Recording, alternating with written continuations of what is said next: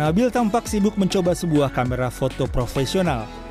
Anak laki-laki berusia 9 tahun ini terlihat antusias mencoba berbagai tombol fitur yang terdapat dalam bodi kamera.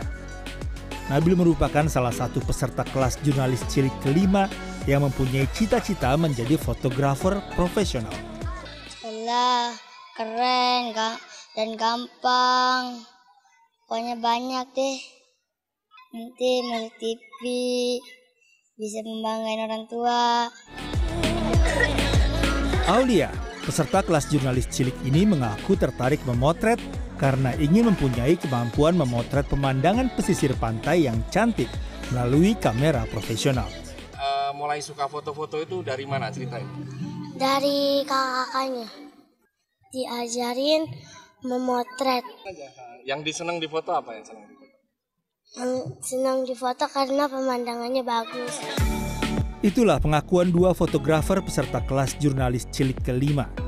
44 foto karya 35 fotografer cilik di Kelurahan Kalibaru, Cilincing, Jakarta dipamerkan ke masyarakat umum selama tiga hari di lapangan bola pasir Cilincing, Jakarta.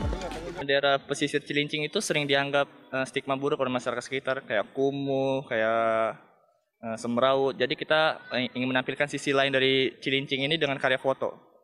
Jadi kalau anak-anak kenapa anak-anak, ya mungkin karena dia imajinasinya masih belum tertata gitu ya. Jadi aku ingin memperkenalkan semua relawan di sini tentang dunia jurnalistik foto itu sendiri.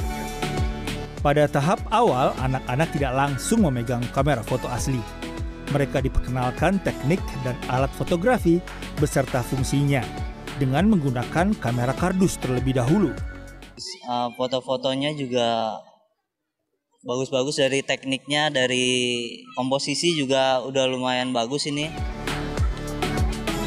Pameran foto karya jurnalis cilik ini mengambil tema ragam ilusi di ufuk pesisir.